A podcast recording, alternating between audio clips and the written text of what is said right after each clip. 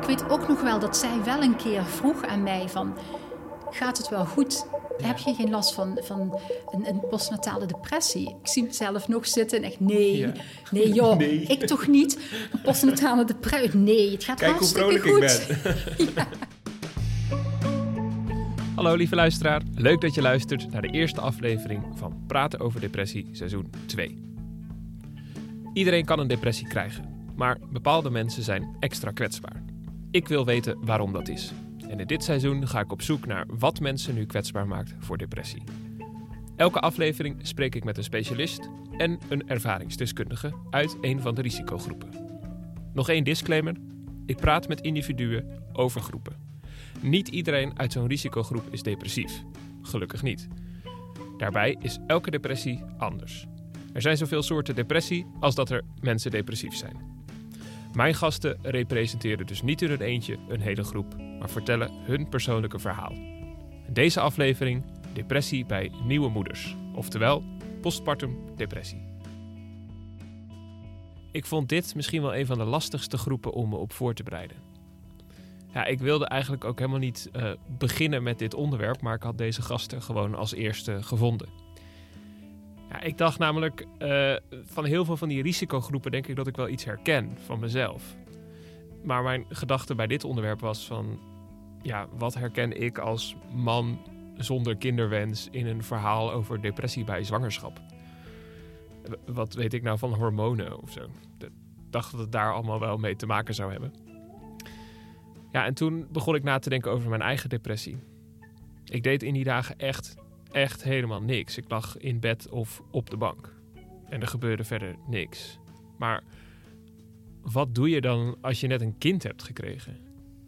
Opeens wist ik wat ik wilde weten in deze aflevering. Hoe doe je dat?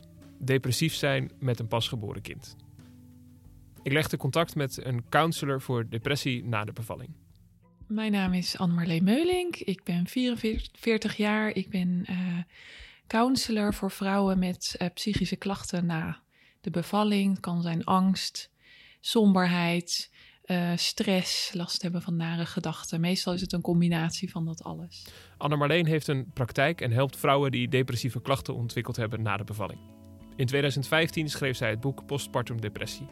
Een wetenschappelijk onderzoek naar wat postpartum depressie eigenlijk is. Voordat ik begin, dit is wat je moet weten over het onderwerp. Nou, wat om te beginnen heel belangrijk is, is om te weten dat naast het fenomeen postpartum depressie bestaat er ook een postpartum psychose. En dat is een hele andere aandoening, ook veel zeldzamer. Die treft maar 1 op de 500 tot 1000 vrouwen. Postpartum depressie is, eh, ja, dan voel je heel somber, heel vaak ook angstig, heel vaak ook heel gestrest, heel slecht slapen bijvoorbeeld. Maar dat is geen psychose. Daar zijn mensen soms zelf wel bang voor. Van word ik nou ook gek?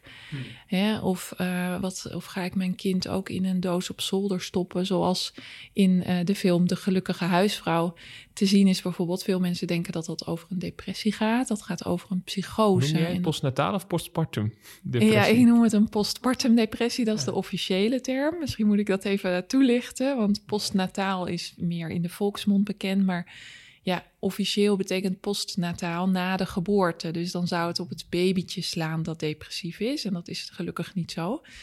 Dus eh, postpartum betekent na de bevalling. Dus dat is de correcte term eigenlijk. Maar ja, ik gebruik ze ook door elkaar, omdat ik weet dat eh, vrouwen zelf die bijvoorbeeld op zoek gaan naar informatie op postnatale depressie eerder zoeken. Dus, eh, maar ja. Moeders zijn dus een risicogroep. Ik vraag me af hoe groot die groep dan eigenlijk is, of hoe groot dat risico is. Als je het hebt over postpartum depressie, hè, want dat komt dus veel vaker voor dan psychose, namelijk bij 10% van de vrouwen. Dus het oh, is, echt? eh, Bij 10%, 10%, van de vrouwen? dus dat is de meest voorkomende complicatie rond zwangerschap en bevalling. Dat eh, wordt nog wel eens eh, verbaasd. Nou, nu dus ook ja, op ja, gereageerd. nee, maar dat, dat wordt Ja. ook, kan me voorstellen dat het ontzettend Dat- onderschat wordt daardoor. Wordt heel erg onderschat. Via Anne-Marleen kreeg ik contact met Cindy Schoenmakers. Cindy beheert een Facebookpagina voor lotgenoten. Ze is getrouwd met Roel en heeft één dochter, Floor. Ik reis af naar Sittard voor haar verhaal. We zitten op haar kantoor. Mijn, eh, mijn naam is Cindy Schoenmakers, ik ben 44 jaar. En mijn relatie tot uh, depressie is dat ik na de geboorte van mijn uh, dochter in 2007 een uh, postnatale depressie heb gehad. Het, het, is natuurlijk al enige tijd geleden, maar het, ik kan het wel als de dag van gisteren kan ik het wel weer terughalen. Wil je graag kinderen? Was dat iets waar je. Nou, laat ik zo. Ja, maar we hebben er wel verstandelijk wel over nagedacht. Ik ben niet alleen maar op mijn gevoel toen afgegaan. Uh, maar uiteindelijk zijn we allebei stonden we wel achter van, nou, we gaan er gewoon voor en wij geven het goede voorbeeld. En, en hopen dan een goed mens extra in de wereld te zetten. Dat was eigenlijk een beetje zo het idee van ons uh, daarbij. En toen, toen uh, op een dag uh, kwam je erachter dat, je, dat het zover was? Ja, precies. Toen was in één keer de zwangerschapstest, die was positief. Ja. Dus dat was, ja, was helemaal geweldig. Dus echt...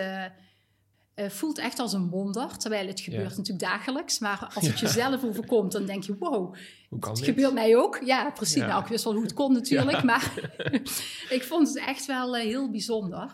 Um, alleen, ik moet zeggen dat ik ook meteen vanaf het begin al wel het gevoel had van, hm, zit het wel helemaal goed? Oh ja. Uh, heel apart. Dus ik, ik was wel blij, maar ik voelde wel van, ja, ik, ik vertrouwde het niet helemaal. En kon je dat ergens aan koppelen? Nee, was puur gevoel. Ja. Dus het, het ging allemaal goed. Uh, ja. Dus... Uh, maar toch ergens uh, dacht ik, ja, ik weet het niet. Volgens mij zit het niet helemaal lekker. Ja, goed. En toen waren we dus uh, uh, in het ziekenhuis voor de echo. En toen bleek dus dat, dat het inderdaad het kindje niet meer leefde. Of het vruchtje mm. al was afgestorven met tien weken. En ja, dus dat gevoel, dat had dus toch geklopt. Yeah. wat ik vanaf het begin al had. Yeah. En um, ja, goed, dus ja, dat was wel, wel heel heftig. Yeah. Dat, ja, dat was een, een behoorlijk heftige ervaring ik kan me ook nog heel goed herinneren dat we daar in die kamer lagen. En ik ergens instinctief wist ik dus van, ja, ik krijg dadelijk slecht nieuws. En toen zei zij, de, hè, de arts zei ook van, ja, helaas, ik heb slecht nieuws voor jullie. En hmm.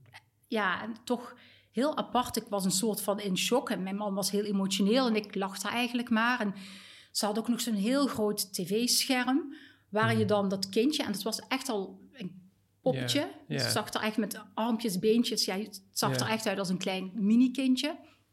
En dat lag dan zo heel stil op dat scherm. En dat, dat was ook zo'n mega groot scherm. En de arts zei, ja, ik laat jullie even alleen. En die liet dat scherm aan. Oh. oh ja, en dat was natuurlijk denk ik wel met de goede bedoeling. Van ja, dat het ook doordrong. Want ik zat er als een zombie bij. En ik keek alleen maar naar dat scherm met grote ogen. En er kwam helemaal niks van emotie uit. Maar maar zij zal dat met goede bedoelingen uh, hebben gedaan. Maar dat heeft me nog uh, tot nu toe eigenlijk nog wel uh, achtervolgd, dat beeld. Dat kan ik zo terughalen. En dan, om, omdat je die, die zwangerschap van, van mijn dochter nu, zeg maar, van Floor, die stond ook wel in de teken van die miskraam. Omdat mm. je hmm. toch elke keer, ik had ook nog regelmatig bloedverlies. Mm. Dus dan denk je toch elke keer, oh nee, het zal toch niet weer. Ja, ja. Dus je bouwt wel stress op dat, dat, bij mijn zwangerschap ging eigenlijk voor de rest heel goed. Maar, Want hoe lang zat er tussen dat je zwanger? Um, in oktober uh, had ik de miskraam en in maart uh, oh ja. was ik zwanger. Ja, dus. Uh, een halfjaartje ongeveer zat daartussen. En um, ja, goed, dus dan denk je wel eens van... ja, heeft het misschien ook wel met een stukje hechting te maken... dat je je niet durft te hechten aan Floor dan? Omdat je toch nog steeds met dat gevoel zit van... ik ja, bang om te verliezen. Ja. Ja, want het is ergens wel best wel traumatisch, uh, uh, een miskraam. Dus ja, ik weet het niet. Ik, nee. zal het nooit weten, maar het nee. zou kunnen. Ja. ja. Wanneer ontdekte je... Nou, ik wil eigenlijk eerst... Ik bedoel, laten we geen dingen overslaan. Op, op, op een dag werd Floor geboren. Ja, ik werd eigenlijk uh, midden in de nacht... om precies 12 uur werd ik wakker van buikkramp. Dus ik dacht, hmm, zou dit het zijn? Ik weet ook nog dat ja. ik dacht van waar maken die vrouwen zich nou druk om? ik dacht, als dit het is, dan nou ja, doe ik er zo tien. En was dat het? nee, helaas. Na een uurtje of vijf van dat soort kleine krampjes kwam het toch in één keer een wee. Dat ja. ik echt achterover uh, viel in de bank en echt, uh, nou ja, niet meer wist wat me overkwam. Dus toen dacht ik, oh sorry, ik was te vroeg, heb te vroeg gejuicht. En ja, toen begon de, de ellende, zeg maar. Dus dat was toen, nou, ellende, ik moet zeggen, achteraf gekeken, een hele goede bevalling gehad. Dus dat is heel goed gegaan. Um, alleen ja, toen werd Floor geboren en ze legde haar dus op mijn buik. En het was net alsof er echt in mijn hoofd echt zo'n klik kwam. Mm. Iets, een shift. En uh, de ene seconde had ik nog naar haar uitgekeken. En toen was ze er. En toen wilde ik haar niet meer.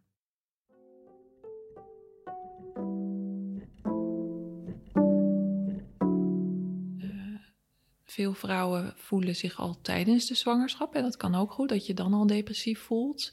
Begint te voelen. De meeste vrouwen geven wel aan van ja, het was echt in die eerste week of weken na de bevalling. Voelde ik het omslaan.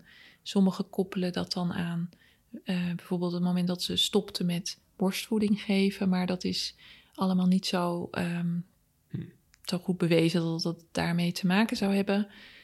Uh, het is echt vaak echt wel al in de eerste dagen tot weken na de bevalling dat ze voelen van er gaat hier iets niet. Uh, ik heb er even helemaal geen grip op. Wat vrouwen bijna altijd zeggen is van ik voel mezelf, me mezelf niet. Dat hoor ik echt wekelijks, meerdere keren. Ik voel me mezelf niet. Ik ben mezelf kwijt. Mm. En dat is echt vaak al wel echt snel na de bevalling. Of dus al daarvoor begonnen, soms ook. Ja.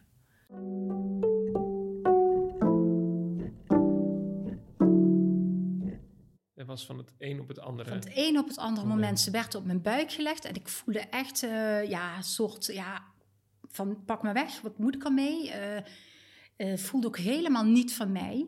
Hmm. Heel, ik vond allemaal, ja, het was zo. Ik, ja, het is moeilijk om onder woorden te brengen wat je dan voelt op dat moment. Maar ja, ik voelde echt afkeer. Ik dacht echt, ja, ik, ik wil dit niet. En echt paniek. Van binnen, ik was helemaal in paniek. Van buiten viel dat wel mee, begreep ik later van Jeroen.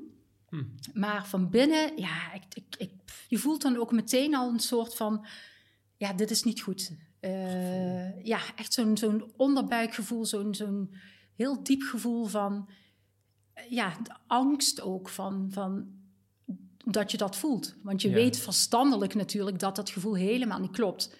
Ja, ik, um, je denkt van, ja, je kind is er en je, om, ja, je omarmt dat en, en, en je houdt er meteen van. Dat beeld had ik in mijn hoofd. Ik weet nu dat dat natuurlijk, dat is die beroemde roze wolk, die maar heel weinig vrouwen eigenlijk hebben na de bevalling. Maar op, ik was met dat idee toch wel na die bevalling, uh, had ik ja. toegeleefd. En dat was er gewoon totaal niet. Dus uh, dat was, eh, vond ik echt wel chockerend, was dat. Ja. En ik weet ook nog heel goed dat ik, ik denk een uur na de bevalling, uh, werd ik onder de douche gezet door een verpleegkundige. Mm -hmm. En, ja, en ik werd alleen gelaten. En ik, ik, ik zat daar, ik moest dan op zo'n, was ook nog een hele vieze douche. En ik, ik oh. moest dan op zo'n krukje daar gaan zitten. Nou ja, net bevallen. Ik bedoel, en ik dacht echt, ja, ik snapte sowieso niet dat ze me alleen liet. Want ik, dat voelde zo eenzaam. Als ik ik denk als ik terugdenk nu in mijn hele leven, het meest eenzame momenten dat ik daar zat, me zo voelend, net een kind gekregen, dus lichamelijk er ook best wel erg aan toe. En, uh, ja, en, en ja, eigenlijk toen is het ook allemaal begonnen. Het was meteen eigenlijk gewoon, uh, ja, die postnatale depressie was er gewoon in één keer.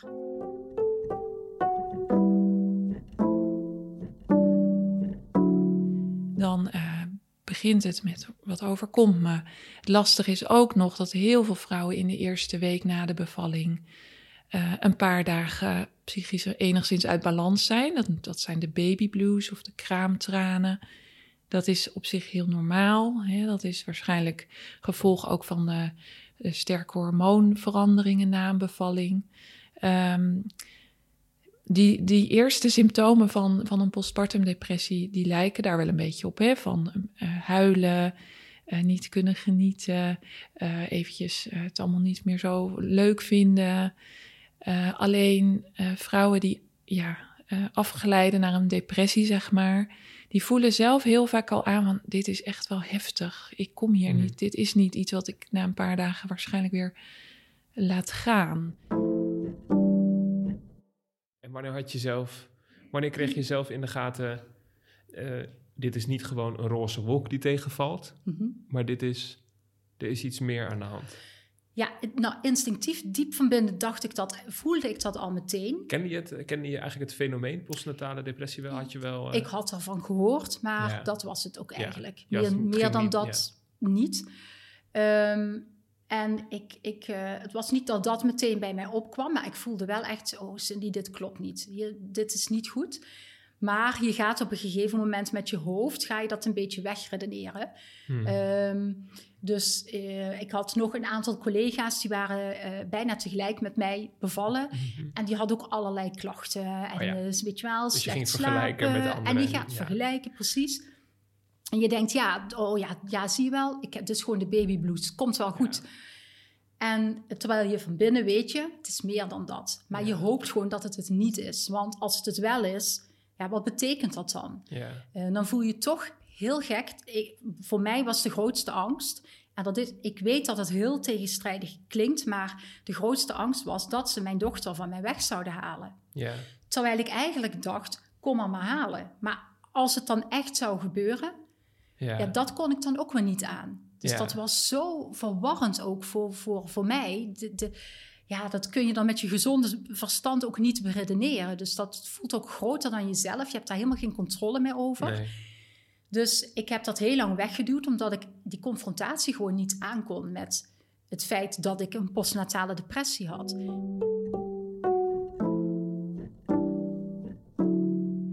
Maar goed, als je daar dus met niemand over praat, geen hulp zoekt, ja, dan gaat dat enorm aan je vreten. En het heeft heel veel doen met iemands zelfwaardering, zelfvertrouwen. Eh, Is het ook niet dat je misschien niet eh, over die gevoelens wilt praten omdat je je kind daarvoor wil beschermen? ja, ja, zeker. Dat is een hele goeie. Ja, het is heel ingewikkeld. Het is heel moeilijk om naar jezelf te erkennen van ik voel me eigenlijk helemaal niet gelukkig nu ik moeder ben. Want wat betekent dat? Hè? Wat zeg je dan eigenlijk tegen je kind voor je gevoel? Van, had Ja. ik je maar niet gekregen, dan was het nu beter. Eh, dat is super verwarrend. Want je wil aan de ene kant liever dan ooit blij zijn, maar je voelt je slechter dan ooit. Het zijn gelukkig niet, het is niet één en hetzelfde ding. Hè? Want dat is de grootste angst vaak van moeders. Van oké, ik voel me nu echt vreselijk. Voordat ik moeder werd, voelde ik me beter. Ja. Help. Ja. Voelt het moederschap voor mij zo? Ja. Met andere woorden, ik zit in een val. Want je kan nooit meer niet moeder zijn. Ja, dat wil je ook niet. Nee, maar dat maar je wil ook goed. niet depressief blijven. Want dat Ja. herken ik ook wel voor, van, mijn, van mijn eigen depressies. Dat je, je, je gelooft echt niet dat dat over kan Nee, gaan. Nee, dat denkt, is, dit blijft gewoon altijd zo. dat is gewoon wat een depressie is. Ja? Als Ja. je dat wel zou geloven, zou het meteen een stuk beter voelen. ja.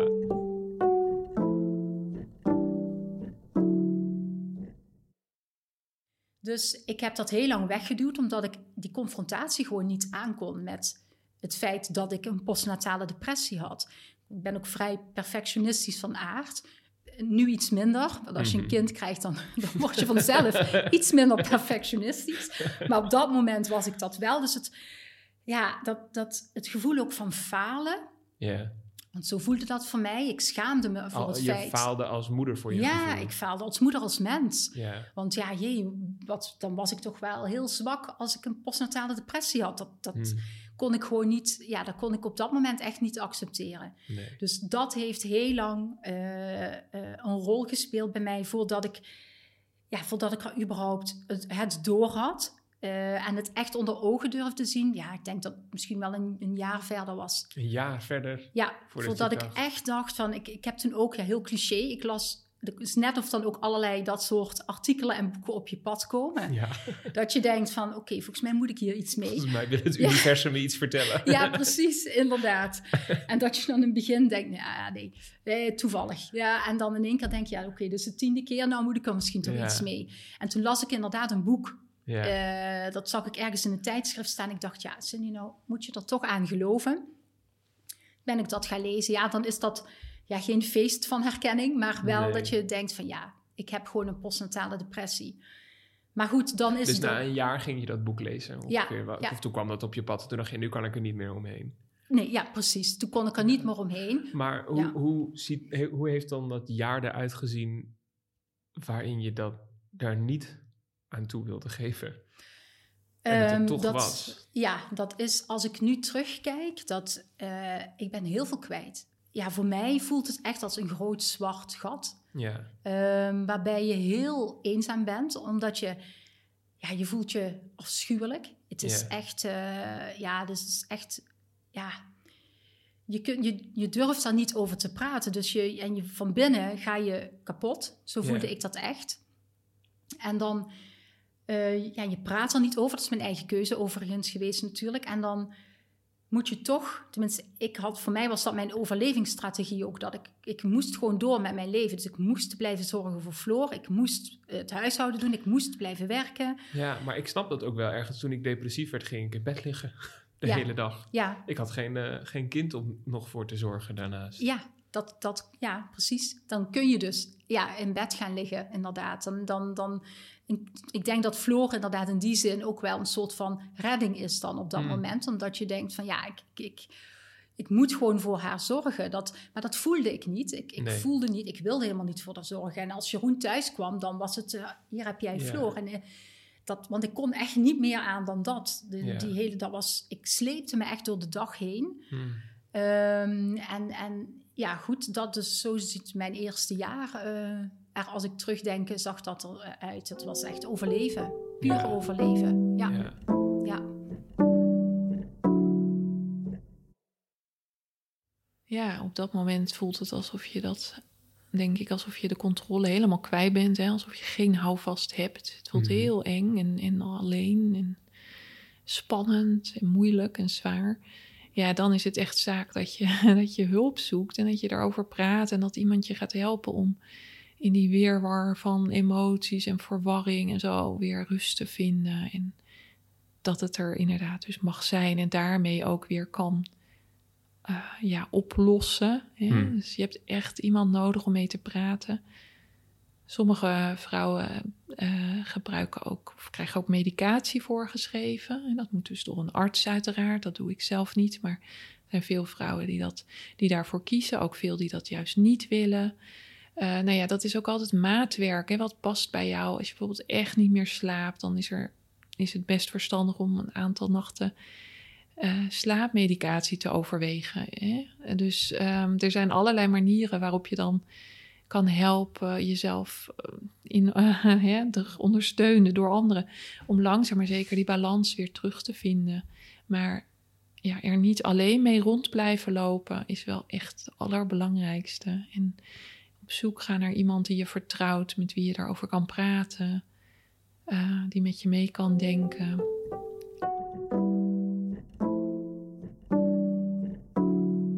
En hoe was dat voor Jeroen, je man? Nou, we hebben daar toen in dat eerste jaar heel weinig over gesproken. Ehm, ik moet ook zeggen dat ik ook wel heel goed ben in toneelspelen. Dus eh, ik, ik zette echt een masker op, eh, omdat ik gewoon niet wilde dat iemand zag hoe slecht het met mij ging, omdat ik me Ja. daarvoor schaamde. Dus ehm, heel, en mensen die ik achteraf verteld heb dat ik een postnatale depressie had, ja, die dachten, jij, hoe dan? Je weet was je wel? altijd zo Je vrolijk. was vrolijk, ja, precies dat. En als ik ook filmpjes van mezelf terugzie, ja, echt, dat, ik kan daar bijna niet naar kijken. Echt dat Nee. helemaal hyper. omdat ik wist van, ja, oké, ik word nu je, je gefilmd. was iets aan het overschreeuwen eigenlijk. Ja, dat Ja, oh was ja, ik. Ik, word was nu het, gefilmd, dus dan moet ik het nu... ik moet, precies, ik moet nu laten zien hoe leuk ik het heb. En eh, ook voor Floor, dat zat wel in mijn achterhoofd. Ik dacht, als zij later die filmpjes terugziet, dan wil ik niet dat zij een depressieve moeder ziet, maar dan wil ik dat ze iemand ziet die blij is. Ja. Dus Jeroen en ik hebben er in het begin vrij weinig eh, eh, over gesproken. En natuurlijk zag hij wel dat het niet heel goed ging, dat ik wel veranderd was. Maar goed, ook hij dacht in eerste instantie dat hoort erbij. Hij vond Ja. het zelf ook best wel zwaar. ja. Hè? eh, wennen, eh, ja, het is toch, eh, het is echt wel een heel ander leven dan zonder kind. Dus Ja. dat is gewoon een, een omschakeling voor de een wat meer dan voor de ander. Maar voor ons was het best wel, ja, echt wennen. Dus ehm, ja, het eerste jaar is dat, eh, nee, is dat bijna niet aan bod gekomen. Het allerbelangrijkste wat de omgeving kan doen is dus iemand dan vragen: hoe is het nou eigenlijk echt met je? Hè? Ja. We vragen wel de hele tijd hoe is het met het kindje, hoe is het hè? fysiek ben je daar misschien goed doorheen gekomen, maar hoe voel je je? Dat daar ruimte Ja. voor is en dat daarover gepraat mag worden. Nou ja, hoe eerder, hoe beter. Ja, het is misschien een lastige vraag, maar Mhm. ik denk toch als je dat vertelt, waarom is dat nou zo moeilijk, dat gesprek? Ja. Nou ja, ik denk dat sowieso heel veel mensen het moeilijk vinden om eh, met elkaar te praten over gevoelens die lastig zijn. Hè? Die, dat is soms ook confronterend voor iemand zelf. Zeker als er net een kindje is geboren. Je bent bijvoorbeeld de partner van een vrouw en je ziet dat je vrouw ongelukkig is. Doet dat natuurlijk ook iets met jouzelf. Die man of vrouw die de partner is, die wil natuurlijk ook heel graag dat het een fijne, warme tijd is. Hè? Dus dat, eh, dat wil, wil die persoon misschien ook het liefst niet waar hebben in eerste instantie.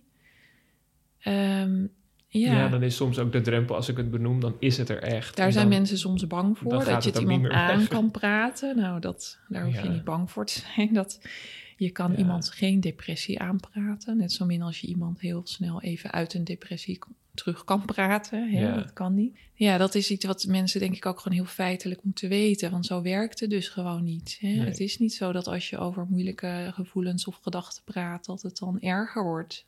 Nee. Ja. Hè, het is natuurlijk wel belangrijk dat je dat op een manier doet die iemand ook... eh, dat iemand zich daar veilig bij voelt. En Ja. dat je niet gaat invullen voor iemand. Maar ja, dat is inderdaad denk ik juist een van de... Dat, dat we over dat soort dingen met z'n allen niet kunnen praten. Heel moeilijk kunnen praten. Is juist wel ook een, een van de oorzaken. van dat zoveel mensen met dit soort Ja. klachten heel, zich heel eenzaam voelen. Ja, Ja. Wat Ja. natuurlijk niet helpt. Ja. Nee, nee, en, nee. En ik zou ook als ik op, op kraambezoek ga bij iemand denken... eh, nou, ik kom je feliciteren en ik neem cadeautjes mee... en het wordt hartstikke leuk. Ja, je Iedereen krijgt, is al- blij. je krijgt alleen maar kaartjes waarop staat: geniet ervan. Hè? Als opdracht eigenlijk. Geniet ervan. Nou, Ja. dan voel je je zo. Dan denk je: wat doe ik fout? Hè? Ja. Dat, ik geniet helemaal niet, maar dat hoort dus wel. Dat vind ik zelf eigenlijk ook. Dat is zo ingewikkeld. En als er dan iemand is, bijvoorbeeld een kraamverzorgster, die zegt: hoe is het nou eigenlijk echt met je? Ja, er zijn best veel vrouwen die zich helemaal niet zo happy voelen hoor Nee. in deze weken. En dat is oké. Hm. Het is misschien niet leuk, maar het is oké. Het is niet fout of slecht Ja. of gevaarlijk. Ja. En laat het maar even er zijn dan. Als je in die eerste weken dat soort gesprekken met mensen kunt hebben, dan is de kans dat ze, eh, dat ze er eh, maandenlang mee worstelen gelijk veel kleiner. Wie, aan, wie heb je, wel, aan wie heb je het als eerste verteld? Eh, ja, aan mijn man. Ja. Ja, Ja. dus op een gegeven moment was het ook zo dat ik. eh, ik denk dat ik ook wel een soort van me gedwongen voelde om het te gaan vertellen, omdat ik echt hele nare gedachten kreeg. Dus ik kreeg eh, echt wel gedachten om mezelf of om mijn kind iets aan te doen. Mhm. Dus ehm, op een gegeven moment was ik ook wel bang om alleen te zijn. Ja. Want ja, goed. Want toen was je dan bang dat je dat misschien echt... dat je aan die gedachten toe zou geven? Ja, ja, Ja. daar was ik echt bang voor. Ja, Ja. en ik, ik eh, ja, je hoort ook wel eens over een psychose natuurlijk. Mhm. En ehm, ja, die angst was echt heel groot op een gegeven moment. En die gedachten waren ook in het begin waren die er nog niet. Die kwamen geleidelijk. eh, hoe langer het duurde eigenlijk, hoe erger dat die gedachten werden. Omdat ik denk voor mijn gevoel misschien dat het uitzichtloos werd. Omdat ik al zo lang ermee worstelde. Ja. Dus hoe langer dat ik er alleen mee rondliep, hoe erger die gedachten werden. Ja. En dat je gaat denken, ja, ze zijn beter af zonder mij. Of mijn dochter is beter af zonder mij. En wat ben ik nou voor moeder? Wat ben ik nou voor een echtgenote? Veel vrouwen krijgen last van eh, indringende gedachten. Dat is ook wel een symptoom wat heel Mhm. veel voorkomt. En dan krijgen ze bijvoorbeeld de gedachte, ze zien bijvoorbeeld een mes liggen en zien dan voor zich, levendig voor zich, dat zij hun kindje daarmee steken. Of ze doen hun kindje in bad, zien levendig voor zich eh, dat ze het kindje loslaten en dat hij dan verdrinkt. En dat vinden ze dan vervolgens afschuwelijk, voelen zich weer heel schuldig over, worden bang dat ze eh, ja, eh, gek worden of het controle kwijtraken. Wat niet zo is, maar die angst kan dan heel groot zijn. Nou ja, hoe eerder je over dat soort dingen met iemand praat en hoort van ja, dat kan, je kan dat soort gedachten hebben, maar dat betekent niet dat je slecht bent of gevaarlijk. Dat betekent waarschijnlijk dat je je juist hyper verantwoordelijk voelt en niet zo heel lekker in je vel zit. eh, in de notendop. Hè? Als je dat dan, hoe eerder je dat soort dingen hoort, hoe minder je ja, weg gaat duwen, hoe minder je hoeft te lijden. Ja. Ehm, Wat niet uh, betekent dat als je met iemand gaat praten dat die gevoelens onmiddellijk weg zijn, maar ze mogen er zijn, dan kunnen ze in beweging komen en dan zul je langzaam maar zeker echt je beter gaan voelen.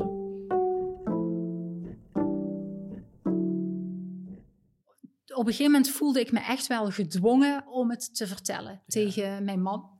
Een ehm, beetje als een schreeuw om hulp, ja. zeg maar. Want hoe heb je dat aangepakt? Want ik kan me voorstellen dat dat ook nog... Dat is ook eng dan, denk ja, ik. nou, het was, het was zeker eng, maar ik voelde ook dat ik niet anders kon. Dus ik heb het eigenlijk... Ik denk, als ik nu even terughaal... Ik kan dat niet helemaal meer terughalen, maar ik heb het niet heel tactisch gebracht.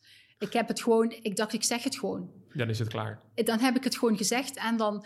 En ja, toen dacht ik ook van, dan ligt het bij hem. Ja dacht ik toen ook. En dan gaat hij het voor mij oplossen.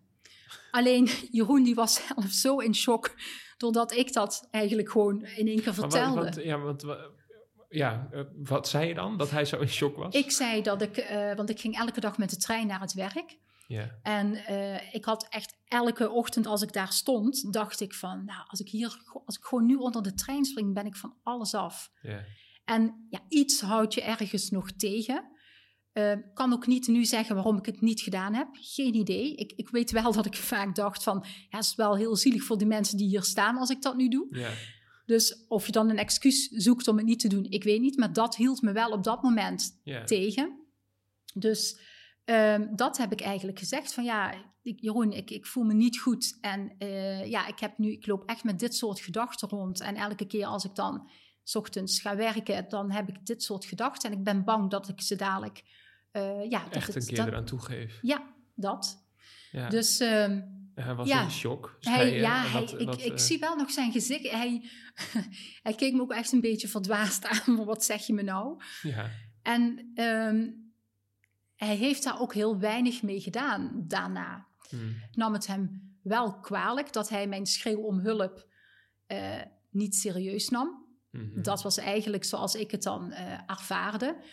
Um, oh, en, dat ervaarde je omdat hij er niks mee deed. Ja. Wat had je gehoopt dat hij zou doen? Weet je dat? Ik had gehoopt dat hij me, dat hij me meesleurde naar de huisarts. En uh, dat hij echt zou zeggen van je gaat nu vertellen wat je tegen mij gezegd hebt. Zodat ik dan ja, hulp zou krijgen. Dat was wat ik had gehoopt. En, en ik, hij, zei, hij heeft ook wel gezegd, ja, anders moet je eens naar de huisarts gaan. Maar ik ben ook al naar de huisarts gegaan, misschien wel tien mhm. keer. En dan dacht ik, ik ga het nu vertellen. En dan zat ik oh, daar. En ja, en dan vertelde je het niet? Nee, of ik liep weg. Ging ik voordat ik ja, aan de je maakte gewoon een afspraak en dan uh, dacht je, nou, laat maar. Ja, zat ik in de wachtkamer en dacht ik, oké, ja, nu ga ik het dan zeggen. Ja.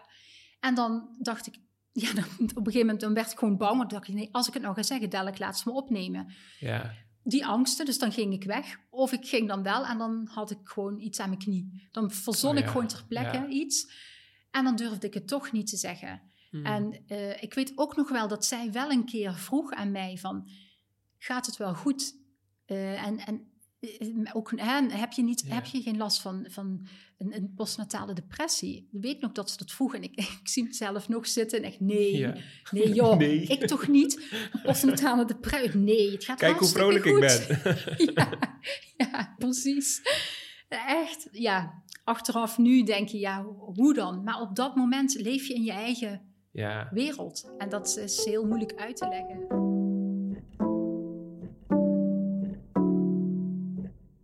Ja, want als ik dus stel dat ik bang ben en dat ik daar last van zou hebben mhm. en ik ga naar de huisarts, is, is er dan een goede doorverwijzing of een logische mhm. doorverwijzing mogelijk? Of? Nou, niet per se. Dat hangt heel erg van af van uh, ja, in welke regio zit je, maar ook van wat weet de huisarts? Hè? Weet hij van het aanbod?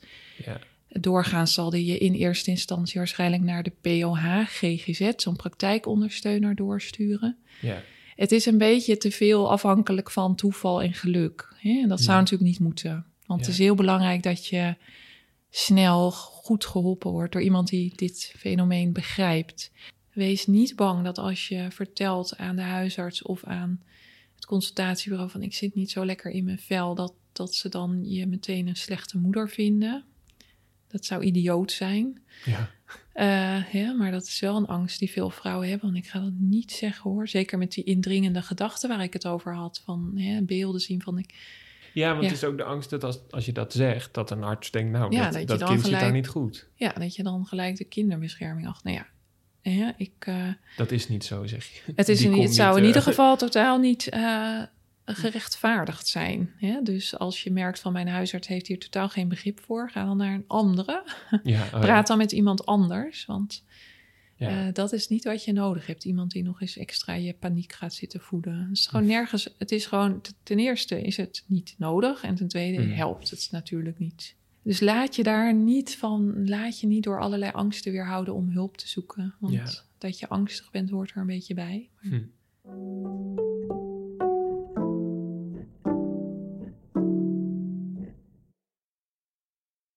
op dat moment leef je in je eigen ja. wereld. En dat is heel moeilijk uit te leggen. Ja, want blijkbaar is er dus iets nog erger dan het, uh, dan, dan het vertellen. Zeg maar, als in, ja. Je bent bang, de, de consequenties van het vertellen zijn in je gedachten zo groot. Ja. Dat het veiliger is om het voor jezelf te houden. En, uh, Klopt. Ja, zo is dat. Het is echt. Ja. Uh, ja, dat, en die angsten, wat zijn die angsten dan voor wat er gebeurt als je het vertelt? Ja, je, zegt dat, dat je opgenomen wordt en dat ze je kind wegnemen. Ja, dat waren mijn grootste angsten. Ja, dat was. Uh, en, en ook waar ik ook heel bang voor was, was onbegrip vanuit uh, ja, de buitenwereld. Dat, dat, dat je dan de moed uh, hebt gevonden om het te vertellen. En dat kost heel veel moed. Dat, mm. dat, en dat je dan geen begrip krijgt. En dat mensen zeggen, uh, wat ook gewoon heel vaak gebeurt inderdaad, van ach, het valt wel mee. Of ja. uh, dat heeft iedere moeder. Of ja. uh, het dat, is ook zwaar. Het is ook zwaar. Dat ja, dat. En, en ik snap het van de buitenwereld zeker. Als je niet weet wat een, het, hè, een postnatale depressie is, ja. Maar op dat moment heb je hulp nodig en begrip nodig. En dan wil je niet ook nog eens het moeten gaan verdedigen. Maar goed, op, op, op een duur heb je het je huisarts wel verteld ja. ook. Ja, toen ben ik wel samen met Jeroen uiteindelijk zijn we oh samen daar naartoe gegaan. Maar je had hem meegevraagd, want je dacht misschien doe ik het anders wel weer niet. Precies. Ja, echt? ja, ja, ja, zo is het gegaan. Ja, toen zei ik van ja ik, uh, ja, ik zou het toch heel fijn vinden als je meegaat. Want ja, ik heb nu al zo vaak daar gezeten en uh, de benen genomen of iets anders uh, verzonnen. Dus ja, kom maar mee en dan ja. Je had een enorm medisch dossier opgemaakt ja. ondertussen. Overal, ja. Maar goed, en later ben je met Jeroen gegaan en toen heb je het wel Ja, gezegd. toen heb ik het wel gezegd, ja. Onder druk van een getuige. Onder druk van een getuige die ervoor zorgde dat ik niet wegging, niet wegliep. En ehm, dat luchtte wel op. Uh, Omdat uh, haar reactie natuurlijk, die viel gelukkig heel erg mee. Ja. Hè, zij, zij zei niet van, oh nou, dan word je opgenomen. Of, oh nee, dan gaan we nu je dochter uh, wegnemen, want je kunt niet voor haar zorgen. Nee, zij gaf me wel het vertrouwen meteen wel van, ik ben hier om jou te helpen. Okay. Ja. Fijn, denk ik. Ja, heel fijn. Ook heel eng. Want um, het betekent dan ook een volgende stap zetten in jouw proces. En dat betekent dus eigenlijk ook jezelf ja, toch blootgeven, je verhaal moeten doen. Uh, ja, dat vond ik wel, uh, dat vond ik wel heel eng. Ik was wel bang voor en hoe dan nu verder. Ja.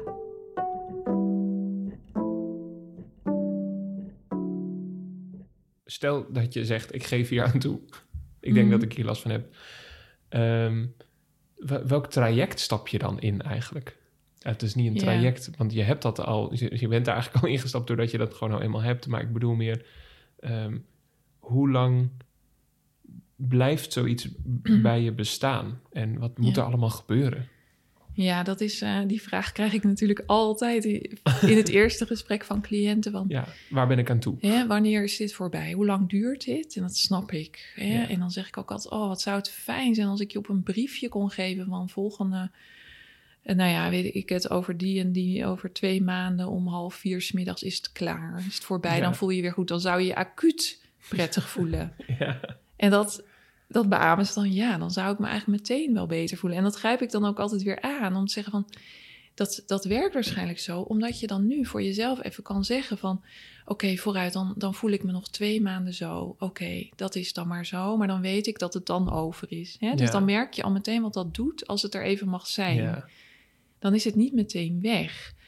dan is het nog steeds akelig, maar je, het, het is iets minder ja. um, beklemmend. En toen kreeg je een, uh, een therapeut, dus een behandelaar, om, uh, om mee te praten. Klopt. Was dat een fijn persoon? Ja, het was een heel fijn persoon.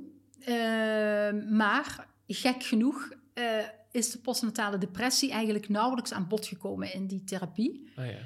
Ehm, het was, met alle respect, het was een man. Mhm. En ik was toch, denk ik, ik denk ook dat ik die reden waarom dat niet besproken is, vooral bij mezelf moet zoeken. Omdat ik, ehm, ja, ik dacht eerlijk gezegd gewoon van, wat kun jij er nou van weten? Wat weet jij nou van de vrouwelijke hormonen? Ja. En, en wat dat allemaal met je doet. En, en ik, ik, ja, ik voelde me niet vrij genoeg Hm. om ehm, alles daar op tafel te gooien. Kan een psycholoog ook gewoon eh, iemand met postpartum depressie behandelen? Of is dat een specialisatie? Nou, dat bestaat in elk geval niet als specialisatie.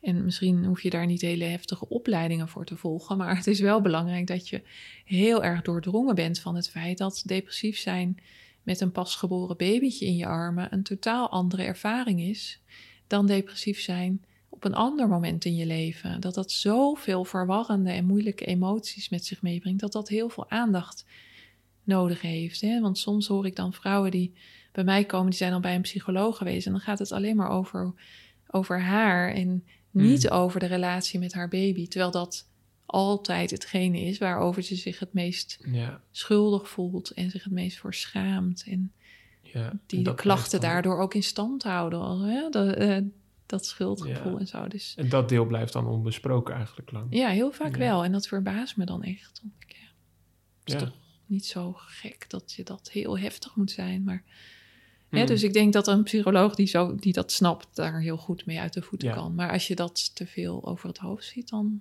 Hmm. voelen vrouwen zich ook niet goed genoeg gezien. En Oh ja. ja, dus ook niet goed genoeg geholpen, denk ik. Oh ja. Dus eh, maar ik heb op zich een goede therapie gehad, maar dat ging meer over ja, andere dingen, mijn perfectionisme, dat soort dingen. Ja. Eh, waar dat dan vandaan kwam. Ehm, dus op zich niet weggegooid, maar het, het- qua eh, postnatale depressie heeft het voor mijn idee heel weinig voor mij gedaan. Ehm, wat hij wel op een gegeven moment halverwege de therapie had, eh, heeft aangeraden, is toch medicatie. Mhm. Ehm, en dat ben ik toen gaan doen.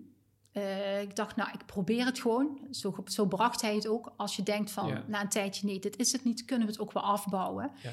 Probeer het eens, kijk eens wat het Ja. voor je doet. En ik denk dat dat voor mij het begin van mijn herstel is geweest.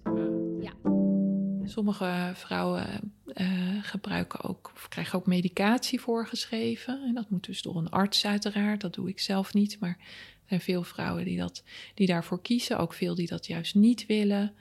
Eh, nou ja, dat is ook altijd maatwerk. Hè? Wat past bij jou? Als je bijvoorbeeld echt niet meer slaapt, dan is, er, is het best verstandig om een aantal nachten eh, slaapmedicatie te overwegen.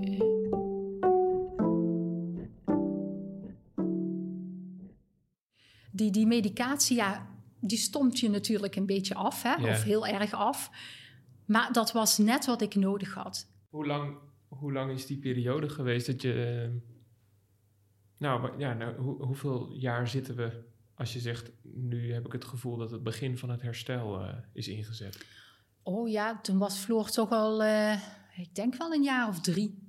Ja, En voordat ik me echt eh, weer, ja, de oude word je niet meer. Dat hoeft ook niet, want Hm. het vormt je ook als mens natuurlijk, een depressie. Eh, het, Ja. het is, dus eh, de oude ben ik dan niet meer geworden. Maar ehm, ik, ik denk vijf jaar was Floor toen ik eigenlijk dacht van... hé, hey, hey, het gaat wel goed met me. Wanneer, wanneer kreeg je door... Zeg maar, wat was een moment dat je dacht... het gaat beter met me? Waar begon je dat aan te merken? Ehm, dat begon ik eigenlijk te merken toch wel door die eh, oprechte genietmomenten die ik had. Als Floor iets deed of als ze iets zei, iets grappigs. En dat je op een gegeven moment voelt dat dat vanuit dat genieten vanuit je hart komt, zeg maar. Dat, je, dat het niet meer in je hoofd zit. Ja. Dat je dus eigenlijk overvallen wordt Mhm. door een gevoel van liefde. Want Ja. dat is het dan op dat moment. Je ziet je dochter iets doen en, en dan, dat je een bepaald gevoel krijgt wat je eerder Wil niet je, had. eh, wil, wil je me wil je zo'n moment delen? Ja, tuurlijk. Ja, ik, eh, moment wat, wat ik nog heel goed weet is dat ze, eh, dat ze met blokken was aan het spelen. En dat ze, ze had dan een toren had ze daarvan gebouwd. En die, die, die toren die viel om.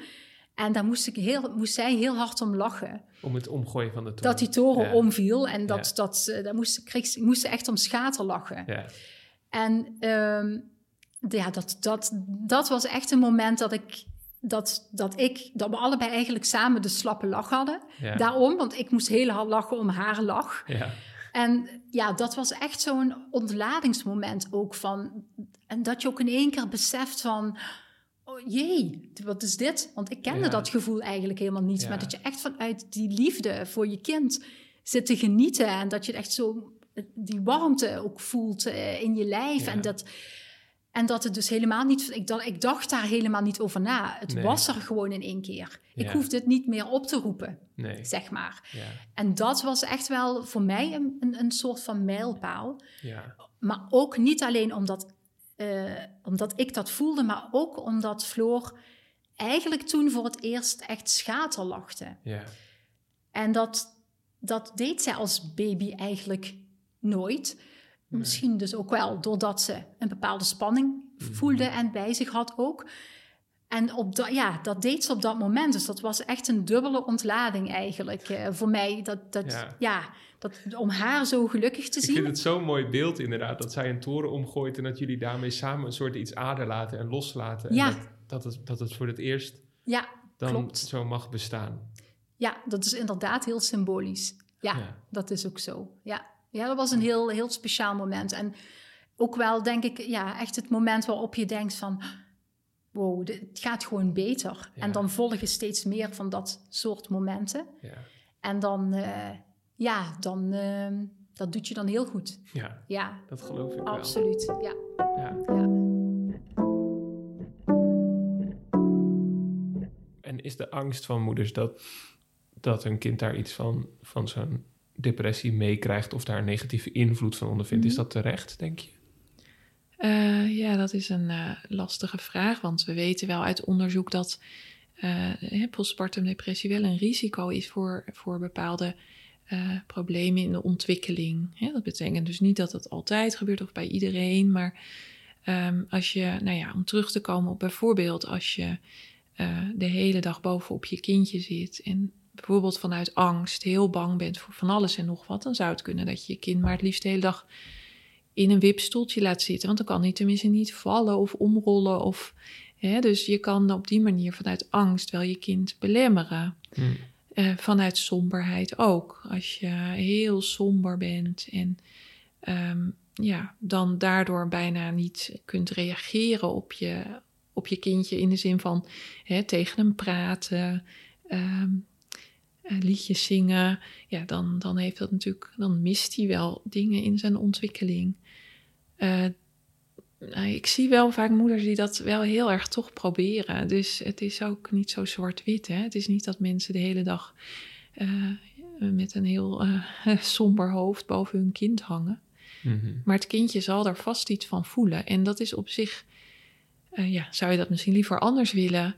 Wat dan heel belangrijk is, is dat je ook, nou ja, dat je het kindje mag, zeg dan maar, mama is nu even heel verdrietig. Ga dan niet de clown uithangen, bijvoorbeeld, want dan wordt het heel verwarrend. Als een kindje dan voelt van, volgens mij is er iets. Niet. Oh, maar ze lacht wel, hey, dat, dat snap ik niet. Hoe klein ze ook zijn, denk ik dat dat heel verwarrend is. Eh, ja, en, en zoek daar dus ook hulp bij. En zorg dat je kind ook genoeg interactie heeft met mensen die niet depressief zijn. Dus, Ja. eh, want dat is, eh, je bent natuurlijk niet de enige. Er is vaak ook nog een vader of een wie dan ook, die ook veel voor het kindje zorgt.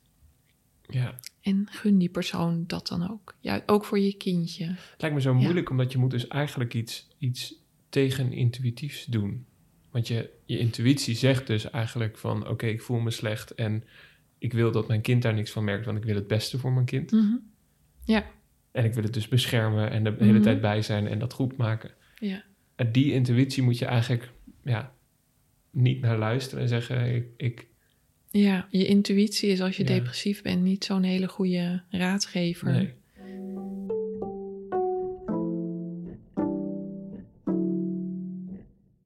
Praat je er ook met Floor over? Ja, ik heb er ook met Floor eh, over gesproken. Eh, niet per se tot in detail, maar wel dat ik na haar geboorte, dat ik ziek was. Mhm. want zo zie ik het nu. Dat zag ik toen niet zo. Maar nu zie ik echt, het is gewoon een ziekte. Ja, Ehm, en uh, ja, dat, dat, dat zij daar niks aan kon doen, dat dat niks met haar te maken had, maar dat dat ja, waarschijnlijk door hormonen in mijn lichaam, dat daar ergens iets niet helemaal goed is gegaan en dat het, ja, dat, dat toch resulteerde in uh, het feit dat ik, dat ik op dat moment niet gelukkig was. Ja, en zo heb je dat uitgelegd? Zo heb ik het uitgelegd, ja. ja. En hoe reageerde ze daarop? Ja, eigenlijk als, als, uh, als een kind. dus ze vond het wel interessant. En uh, uh, ze vroeg ook wel door. Ze vroeg ook wel ja. inderdaad of het dan aan haar lag. Oh ja. um, en uh, of het dan ook kwam doordat zij dan vervelend was, of dat ze veel huilde. Of, ja. ja. Dus dat, dat heb ik allemaal proberen weg te nemen. Dus aangegeven, nee, het had echt niks met jou te maken. Jij was echt het, het liefste, leukste, knapste kind van de wereld. Is ook zo. Maar... Um, dat het echt met mij te maken had. En dat, dat ik er ook niks aan kon doen. Dat het, eh, dat het mij overkomen is. Heb, hebben jullie, uh, hebben jij en Jeroen nagedacht over een tweede kind? Um, heel even. maar ook heel snel gedacht van nee, dat gaan oh, ja. we toch niet. Nee, dat, uh, dat durfden we niet aan op dat nee. moment. Ik, ik denk dat toen we er echt een beetje serieus zo over na hebben gedacht. Ik denk dat Floor misschien ja, drie jaar was of iets dergelijks. Ja. Maar toen stond ik eigenlijk nog aan het begin hmm. van mijn herstel, ja. zeg maar. Het was pas net allemaal, het was nog heel ja, pril allemaal. Ja. En het idee, zeg maar, dat ik het nog een keer zou krijgen. Ja. En dat ik dan Floor al had rondhuppelen. Ja. En dan nog een baby erbij. Dat... En de impact die het nu al op ons gezin had gehad, ik, ik durfde het gewoon, ik durfde het niet meer aan. En, en Jeroen eigenlijk ook niet.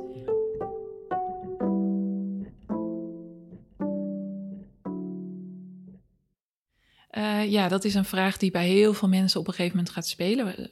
Uh, in de fase dat ze al zich een klein beetje beter beginnen te voelen, dan begint dat vaak van: oh, maar uh, wacht, ik wil eigenlijk, wilde eigenlijk graag twee kinderen, of drie of tien, weet ik het. Hè? In ieder geval meer dan deze ene.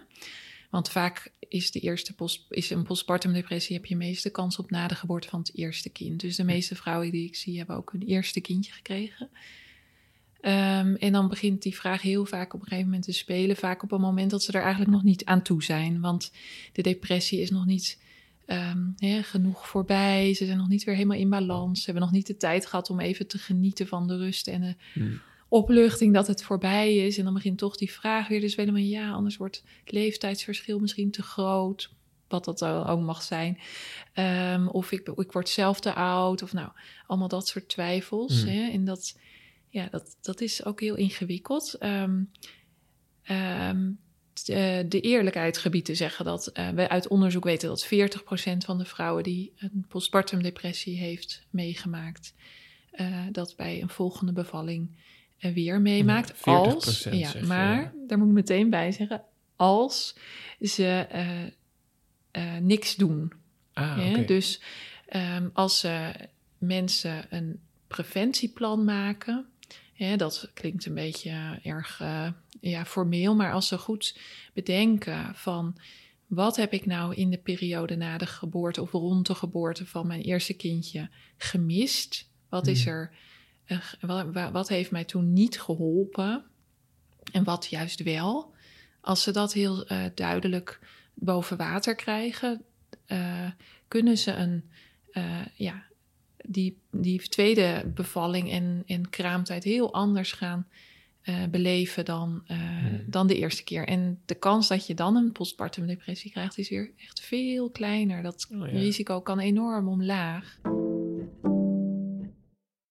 Ja. In die periode dat je dan uh, naar die therapie ging en met de medicatie begon, werd het gesprek met je, met je partner Jeroen dan makkelijker?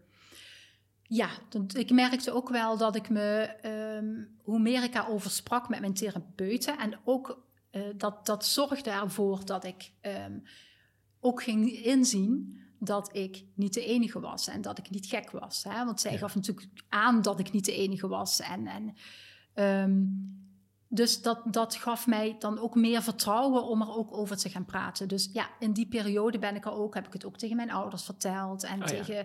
uh, Ja. wat vrienden. En uh, dus ja, toen ging dat eigenlijk op een Hoe gegeven was moment... dat om, om dat te gaan doen? Ehm, dat was eh, nog altijd spannend. Ehm, omdat je nog altijd bang bent toch voor negatieve reacties. Maar dat is me eigenlijk eh 100% meegevallen. Ja.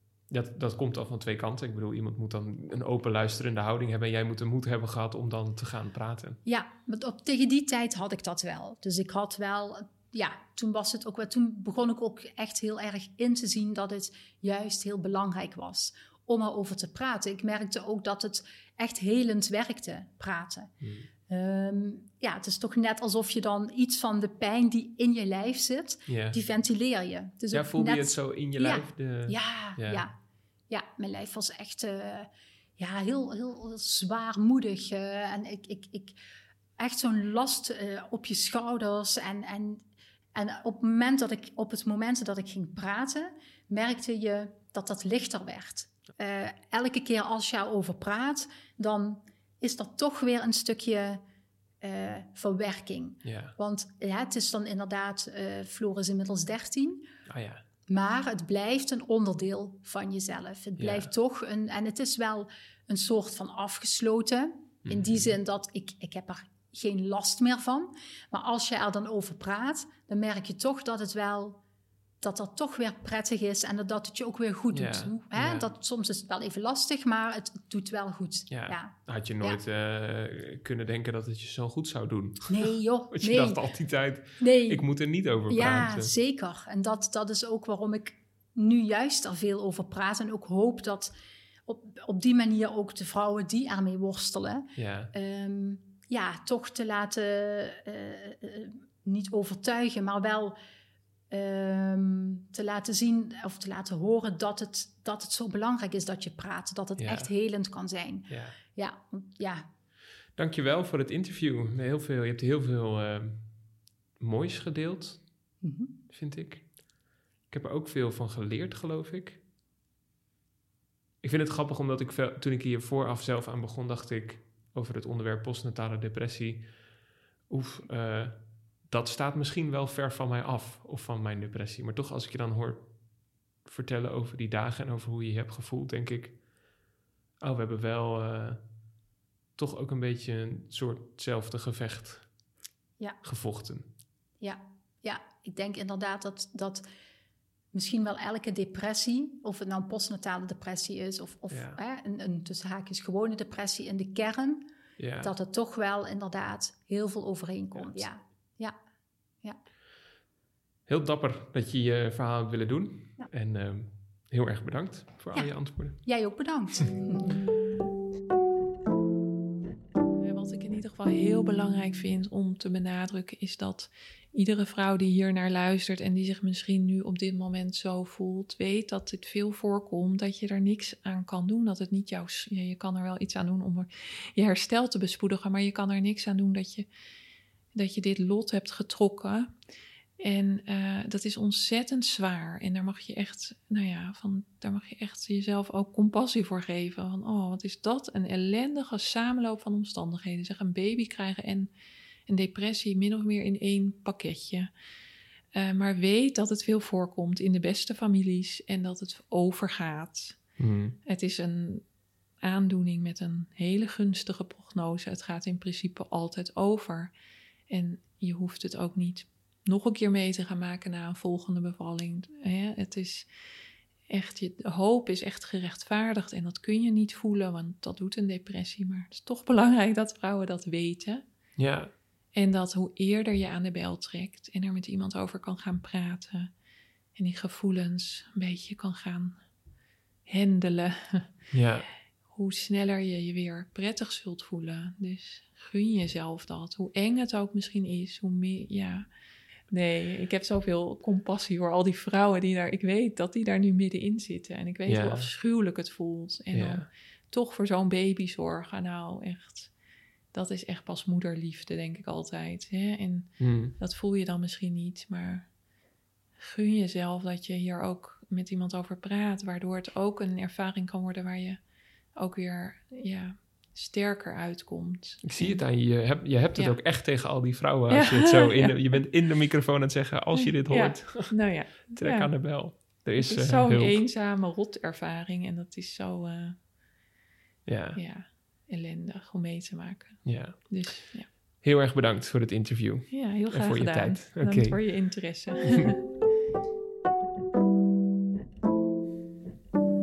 Ik was echt diep onder de indruk van het verhaal van Cindy. Ik kon horen dat ze haar verhaal vaker had verteld, maar tegelijkertijd merkte ik ook nog steeds de impact die het op haar heeft. Ik heb enorme bewondering voor haar, voor hoe ze op een dag toch is gaan praten met haar man, met haar vrienden en dat ze zelfs haar eigen dochter hierover heeft verteld. De Facebookpagina van Cindy heet Je staat er niet alleen voor en is speciaal voor lotgenoten. Naast dit interview publiceer ik het interview met Anne-Marleen Meulink ook in zijn geheel. Daarin hoor je meer over haar inzichten over het onderwerp. Zo hoor je bijvoorbeeld ook hoe ik leer dat postpartum depressie niet iets is dat alleen bij moeders voorkomt, maar net zo goed bij vaders. Heel erg bedankt voor het luisteren en tot de volgende keer. Deze podcast wordt betaald door jullie, mijn luisteraars. Wil jij ook een bijdrage doen? Ga naar www.gofundme.com slash praten over depressie en doneer een bedrag dat jij kan missen. Dus www.gofundme.com slash praten over depressie. Namens mij en alle luisteraars, dankjewel. Benieuwd naar de volgende aflevering? Abonneer je dan op Praten over Depressie. Vertel je vrienden over de podcast en laat een review achter in jouw podcast app. We zijn ook te vinden op Facebook en Instagram.